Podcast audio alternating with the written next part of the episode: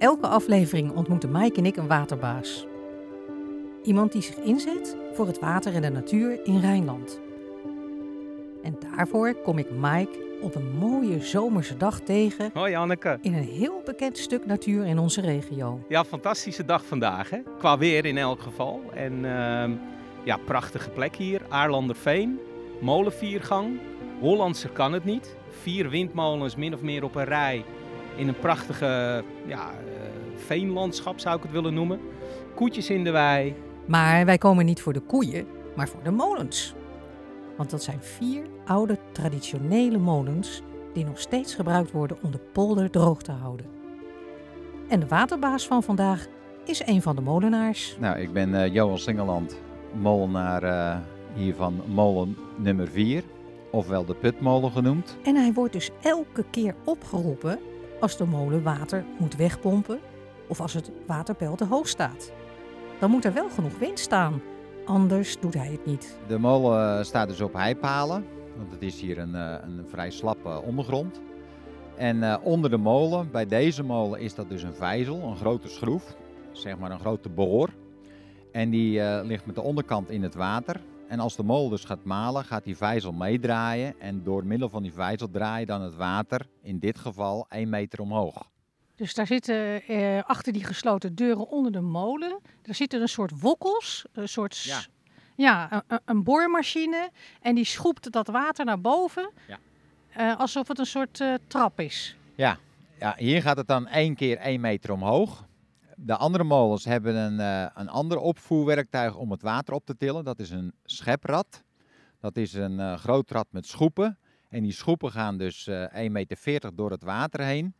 En als de wieken draaien, gaat dat schoepenrad dus ook draaien. En bij voldoende wind verplaatst die molen dan ongeveer 40 kub per minuut water van de lagere polder naar het hogere deel. En dat, dat water, waar wordt dat nou uiteindelijk dan naartoe gemalen? Nou, de bovenmolen, zoals we dit noemen, hè, want dit is dan de putmolen. Hiernaast hebben we de ondermolen, de middenmolen en dan de bovenmolen. Nou, de bovenmolen, dat is de bovenste in de trap. Die gooit het water in de Oude Rijn. En via de Oude Rijn langs Leiden komt het bij Katwijk. En daar eh, wordt het met het gemaling van Katwijk in de Noordzee gepompt. We staan hier eh, bij een, nou, het is net het Openluchtmuseum in Arnhem, eh, zal ik maar even beschrijven. Prachtige kleine boerderij met van die eh, groen gelakte eh, houten luiken voor het raam. Waar staan we hier eigenlijk? Nou, we staan hier in Aarlanderveen. En ik bedoel natuurlijk dit mooie gebouw. Dit mooie gebouw. Oké. nou, in Aalderveen, dit, dit gebouwtje is het zo, zogenaamde zomerhuis. En eh, dat werd dus vroeger gebruikt om zomers in te bivakeren. En dat betekent dus eten, drinken en ja, eten en drinken. Slapen bleef men in de molen, want dat, zo- zoals je al ziet is daar geen ruimte voor in dit kleine huisje. Maar dat werd dus gedaan omdat, eh, ja, wij hebben dan ook een boerderij erbij, maar bij een molen zomers is het werk buiten. Je moet je erf eh, netjes houden. eh, de molens, eh, wij hebben nog een groentetuin. De andere molens hebben dat trouwens ook. Maar dat was vroeger eigenlijk op het platteland gebruikelijk. Dat de mensen een groentetuin hadden. En ja, daar heb je zomers je werk in. Dus is het ook zo, eh, hè, jij bent eh, daarnaast boer. eh, geldt dat ook voor de andere molenaars? Nee, van oorsprong was dat wel zo. Dus in 1786 hielden die molenaars op kleine schaal een paar koeien of wat, wat varkens bijvoorbeeld. Los werk deden ze erbij, want ehm, je bijwerk, wat je ernaast doet als molenaar, moet zo flexibel zijn dat je op het weer kan inspelen. Nou, het weer is flexibel in Nederland, dat hoef ik niet uit te leggen. Dus de molenaar moet ook flexibel zijn. Hoe ging dat dan vroeger zonder WhatsApp of een telefoontje? Nou, punt 1, vroeger hadden we geen woon-werkverkeer, want iedereen wo- woonde bij zijn werk. Dus als de pijlmolenaar, dat is dus mijn buurman voor de andere polder, als die dus ging malen, dan zagen zijn twee buurman-molenaars dat, want die werkten of bij de molen of in de buurt bij een agrariër die in de buurt woonde van de molen. En dan zagen ze dat en dan gingen ze naar huis. Dus zonder communicatie kan je ook veel bereiken. Overvalt je dat niet? Hè? Ik stel me voor, dan sta je net een koe te melken. Dan zie je opeens dat die molen aangaat. Moet je dan alles uit je handen laten vallen? Nee, die molen gaat niet uit zichzelf aan. dat, dat doe ik alleen zelf. Die polderbemaal, dat is duizend uur per jaar, dus dat zit niet op vijf minuten vast. Het kan wel zo zijn als ik aan het melken ben en de molen maalt en er komt een bui, dat het wel op een halve minuut vastzit. Dus dan moet ik wel eerst naar de molen en dan moeten die koeien even wachten. Johan, zou je iets meer kunnen vertellen over de geschiedenis en het ontstaan van dit gebied? De rol van de molens is natuurlijk heel groot, want dit gebied, in eerste instantie was dit gebied gewoon polderlandschap zoals we nu ook zien. Graslanden, zullen niet veel uh, boerderijen gestaan hebben, die stonden natuurlijk aan de lintbebouwing bij dorp. Maar toen ontdekte men dat veen, als je dat boven water haalt en laat drogen, dan krijg je turf en dat was brandstof. Nou, 200, 300 jaar geleden was het de gouden eeuw voor de, de turfwinning. Turfwinning bracht veel meer op als uh, veehouderij of akkerbouw uh, produceren. Dus deze polder is ook uitgeveend. Als je gaat uitvenen, krijg je dus een waterplas, want je gaat grond weghalen, ja, er komt water voor terug. Het uh, waterniveau is hier uh, werd 3 meter diep, want het veenpakket was 3 meter dik weggehaald. Toen zijn in 1786 de andere drie molens gebouwd, nummer 1 tot 3. Die hebben die veenplas droog gemalen.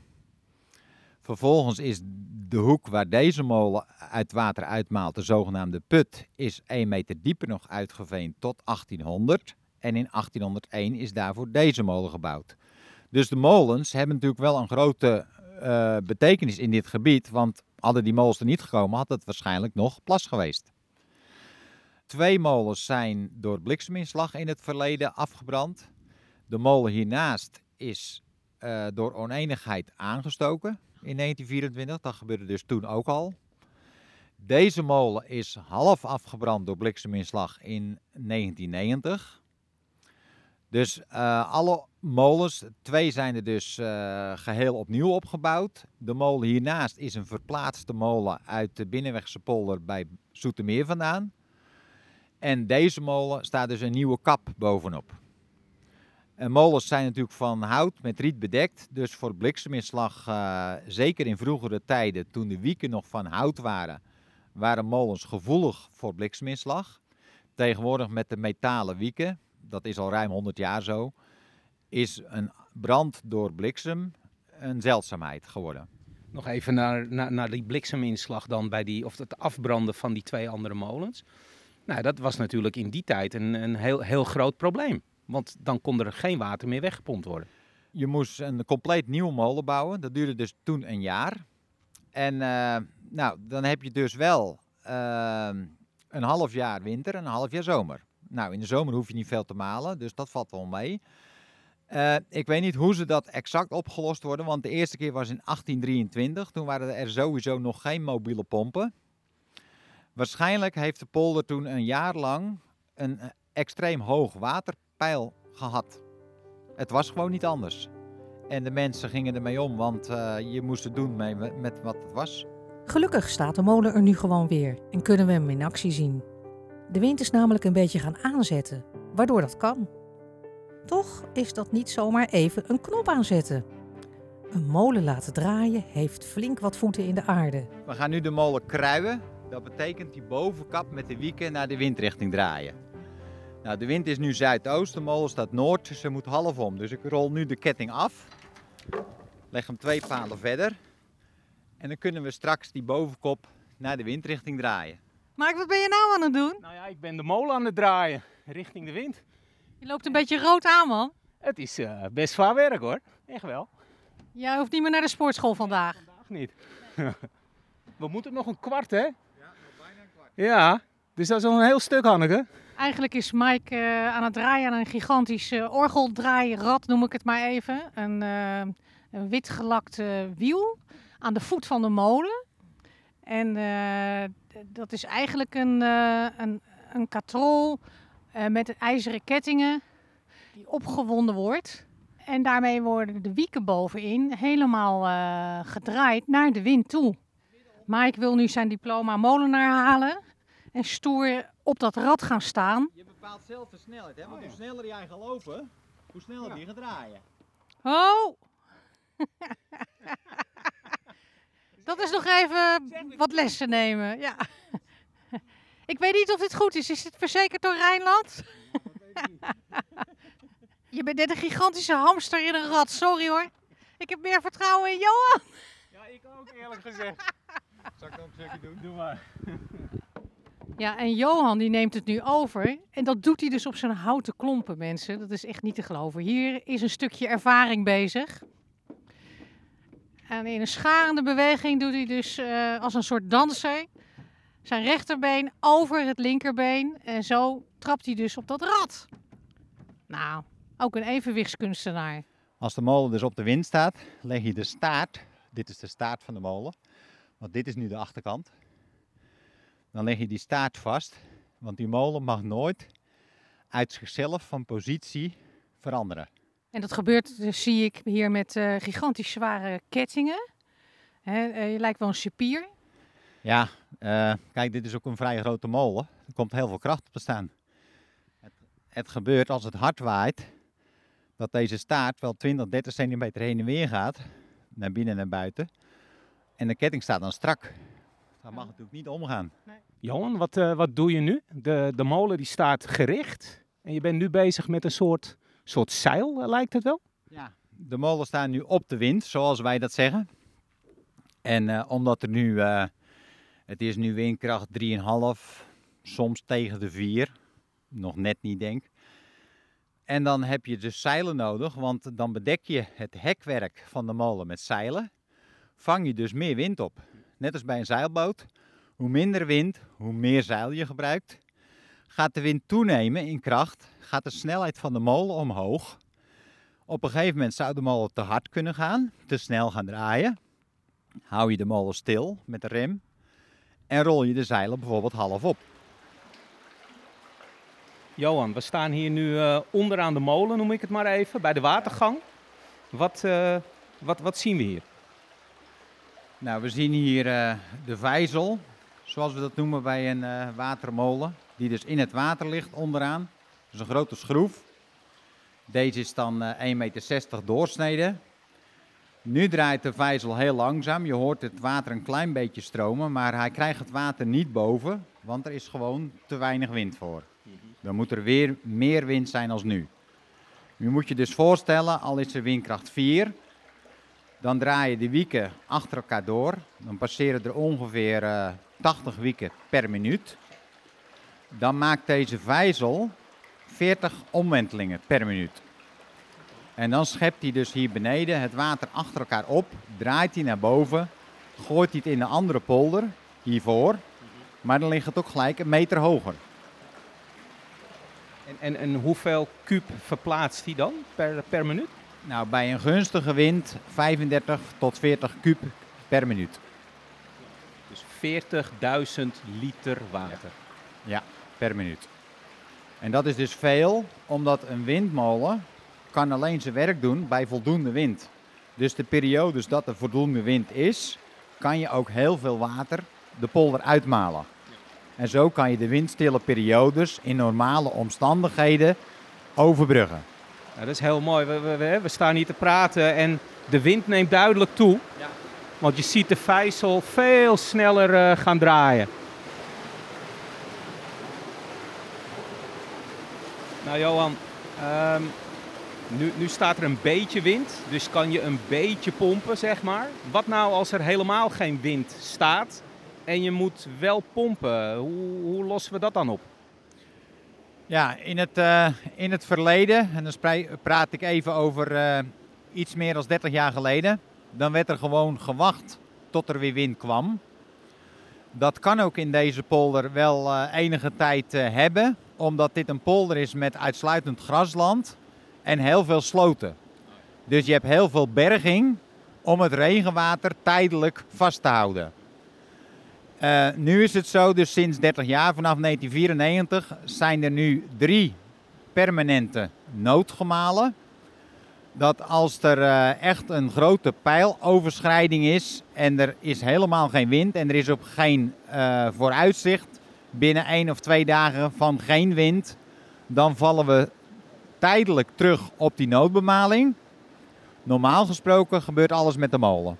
Dat zijn elektrische pompen. Dat zijn elektrische pompen, juist. Dus we hebben hier eigenlijk een soort van hybride systeem. Ja, eigenlijk wel. Ja, ja zo kan je het noemen. Door al dat gepomp zorgen deze molens dus voor een droge en mooie polder. Mike is natuurlijk onze bioloog, dus hij wil die polder nog wel verder verkennen. Ik uh, loop nu samen met uh, Johan door de polder op weg naar de hoofdwatergang. Je ziet het water ook heel duidelijk stromen richting de molen. Richting de vijzel om een meter omhoog gepompt te worden. Nou, het is een prachtig, ja, het is al wel weer een prachtig Hollands tafereeltje zo. Johan, heb jij, heb jij de waterkwaliteit in de natuur zo in en langs het water zien veranderen hier? Nou, voor deze polder is de waterkwaliteit vooruit gegaan. Want in het verleden loosde deze polder loopt tot uh, een klein gedeelte van uh, de bebouwing van Aalanderveen. En in het verleden riep de rioleringwater van Aalanderveen in deze polder. Dus dat is nu al een uh, 30 jaar niet meer zo. Wat dat er gaat, is de waterkwaliteit enorm verbeterd. Wat we hier ook toevallig nu voorbij zien varen is de zogenaamde maaiboot. Die dus in opdracht van het waterschap de hoofdwatergangen, dus dat zijn de hoofdwatergangen voor de toevoer van het water naar de molen of naar het gemaal, voor een groot gedeelte schoonmaakt en vrijmaakt van waterplanten. Want als er nu dus volop gemalen zou moeten worden doordat er een grote regenbui valt, dan zou dus de toestroming van het water naar de molen belemmerd worden door die waterplanten. Dus dat is ook een onderhoudsplicht van het waterschap en ook van de agrariërs, maar dan geldt het in de herfst. Maar het waterschap houdt dus de hele zomer door die watergangen ja, tot, op zeker, tot een bepaald niveau open voor de doorstroming van water. Ja, ik zie het. Het is eigenlijk een soort uh, grote hark wat door het water heen uh, gehaald ja. wordt. Hè? Is dat een purperreiger? Ja, ik denk het wel. Ja, ja wij, zien die, uh, wij zien die hier wel meer. We zitten natuurlijk ook hemelsbreed, maar uh, twee, goed twee kilometer van de Nieuwkoopse af. Ja, ik zie de, de potlood hè, ja. van Nieuwkoop. Ja, nou, die staat al aan de andere kant van de plas. Hè. Dus dat zal een kilometer of 3,5 zijn hier vandaan. Maar uh, ja, daar zie je ook nog een blauwe reiger. Ja. Twee zwanen in de verte zitten op het land. Ja, in deze polder hebben we ja, alle diverse watervogels en uh, weidevogels komen hier wel voor. Ja. Wij zien uit de molen vandaan regelmatig van alles nog wat uh, voorbij komen. Heb je hier ook wel eens uh, een keer een otter gezien? Omdat in Nieuwkoopse plassen zitten de otters. Ja. Nee, hier niet. Hier niet. ik weet niet of dat ook... ehm, ik denk dat hij beter in de plas kan blijven, want een otter graaft ook graag. En dat is natuurlijk voor waterkeringen en dijken niet zo gunstig. Mike en ik verlaten de polder met droge voeten, want de molen heeft zijn werk gedaan. En dit was ook de laatste aflevering van seizoen 2 van Water Leeft. Abonneer je vooral en houd de podcast in de gaten om te horen wanneer we weer een nieuw natuurgebied in de regio gaan bezoeken. Wil je meer weten over Rijnland en wat Rijnland doet voor water en de natuur? Kijk dan op www.rijnland.net.